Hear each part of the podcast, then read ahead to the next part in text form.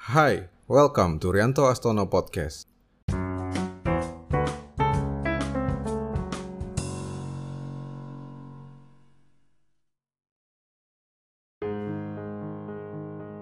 Jangankan merencanakan atau memikirkannya, terbesit pun tidak. Jika suatu saat di masa depan, mungkin saja saya akan memanggil diri saya sebagai Dewa Kipas. Loh, apa soal? Saya akan menceritakan kisahnya di podcast kita kali ini. Well, ada banyak sekali pelajaran yang saya dapatkan dari apa yang saya lakukan beberapa bulan belakangan yang ingin saya bagikan. Kisahnya mungkin sedikit panjang dan bersayap-sayap, tetapi setiap peristiwa akan saling berkaitan satu dengan yang lainnya.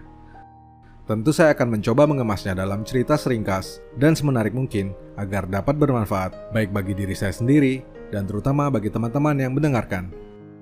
Di episode ini, saya akan mengajakmu untuk melihat bagaimana saya melakukan validasi sebuah ide bisnis. Bagaimana salah dan masalah bukanlah bencana, melainkan sebuah peluang.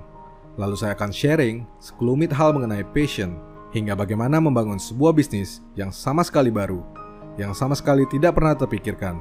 Dalam hal ini, saya sebagai si Dewa Kipas. Oke, cerita dimulai dari seorang teman yang mengontak saya beberapa minggu lalu. Barangkali ia tak sengaja melihat saya yang sering membuat status mengenai Bitcoin, sehingga ia pun bertanya, apa yang saya lakukan dengan Bitcoin? Investasi, trading, atau mining? Maka jawaban saya adalah investasi. Sebab saya memang membeli dan menyimpan Bitcoin, Ethereum, dan beberapa aset kripto yang lain sebagai bagian dari portofolio investasi saya. Oh, katanya, ia mengira saya menambang kripto sebagaimana yang dilakukannya. Lalu percakapan pun berlanjut dengan pembahasan mengenai mining dan seputarnya. Ini lalu mengingatkan saya pada tahun lalu.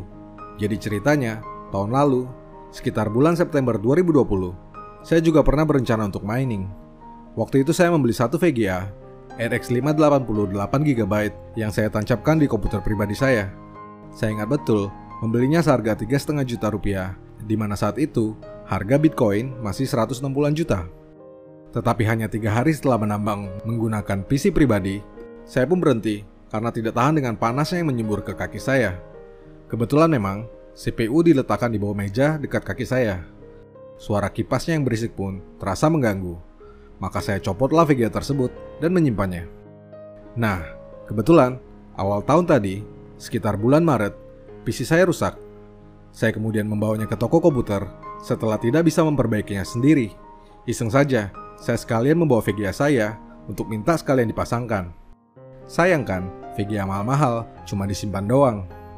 Tapi setelah dicek, orang dari toko komputer menyarankan saya untuk menggunakan VGA lama saja karena power supply milik saya kurang besar dayanya.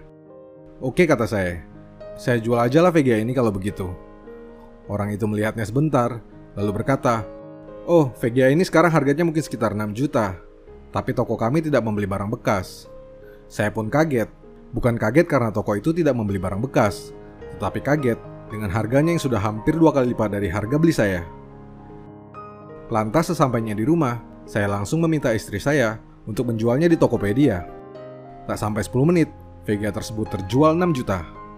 Ternyata benar kata Kang komputer tadi. Karena penasaran, saya pun mencari tahu lebih lanjut. Ternyata harga pasaran RX 580 bekas waktu itu sekitar 8 hingga 9 juta. Pantasan aja langsung laku. Tapi ya udahlah, toh saya juga udah untung hampir dua kali lipat. Pikir saya, harusnya dulu saya belinya 10 biji aja. Dan peristiwa tersebut pun berlalu begitu saja. Hingga percakapan dengan teman saya tadi. Kami pun lanjut bercakap-cakap, dan ia menceritakan berbagai hal mendasar mengenai mining, lalu tentang harga VGA yang naik gila-gilaan, dan lain sebagainya. Maka saya pun mengajukan sebuah pertanyaan paling penting kepada teman itu. Apakah mining ini menguntungkan? Jawabannya, iya. Dan semudah itulah saya kemudian memutuskan untuk menjadi miner. Loh, kok cepat amat mengambil keputusan? Oke, kita stop di sini sebentar.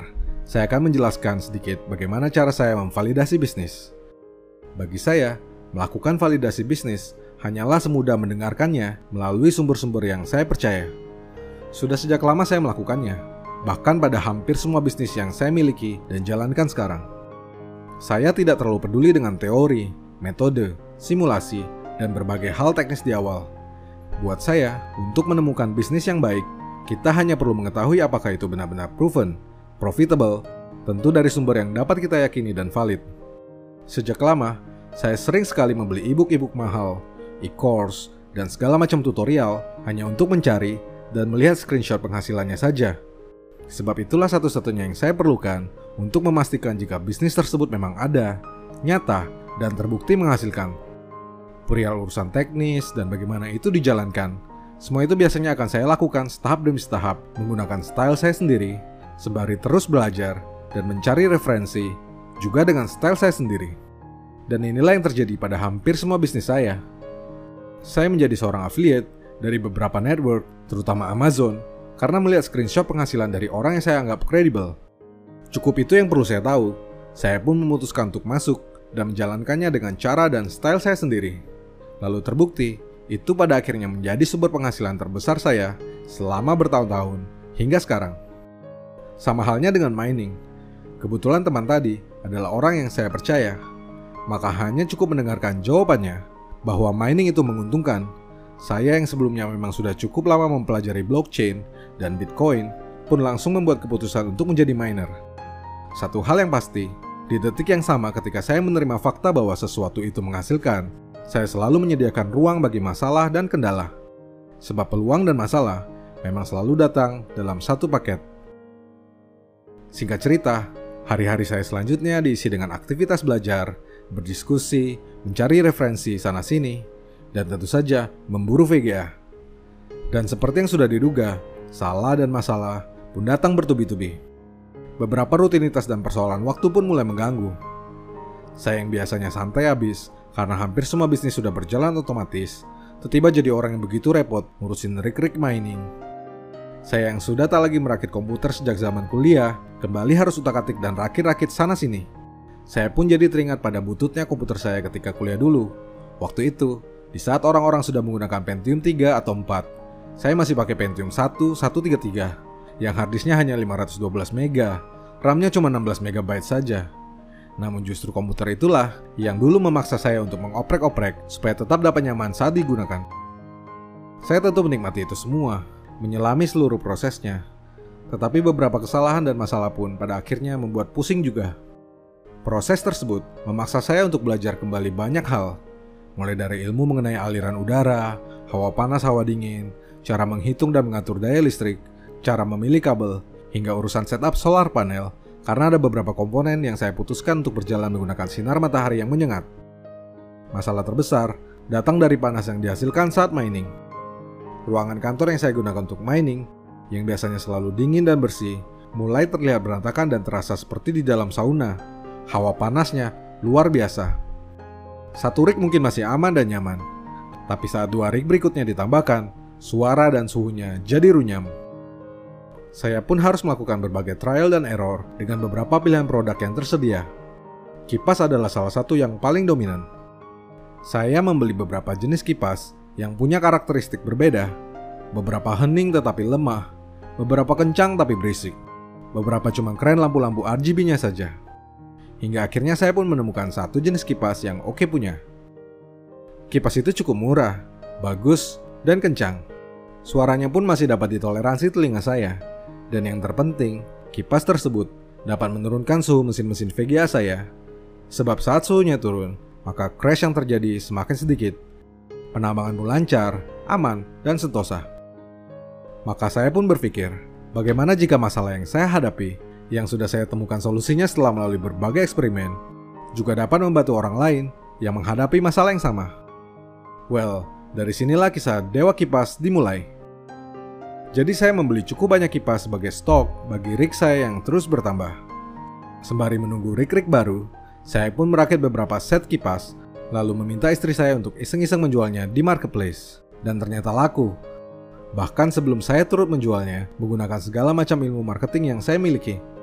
Yang saya lakukan hanyalah sekali saja menulis copywritingnya, dan menyerahkan sisanya ke istri saya yang kemudian melistingnya di marketplace. Beberapa hari berikutnya, saya pun lebih sering merakit kipas ketimbang melakukan hal lain yang biasanya saya lakukan. Rasanya seru, meski melelahkan.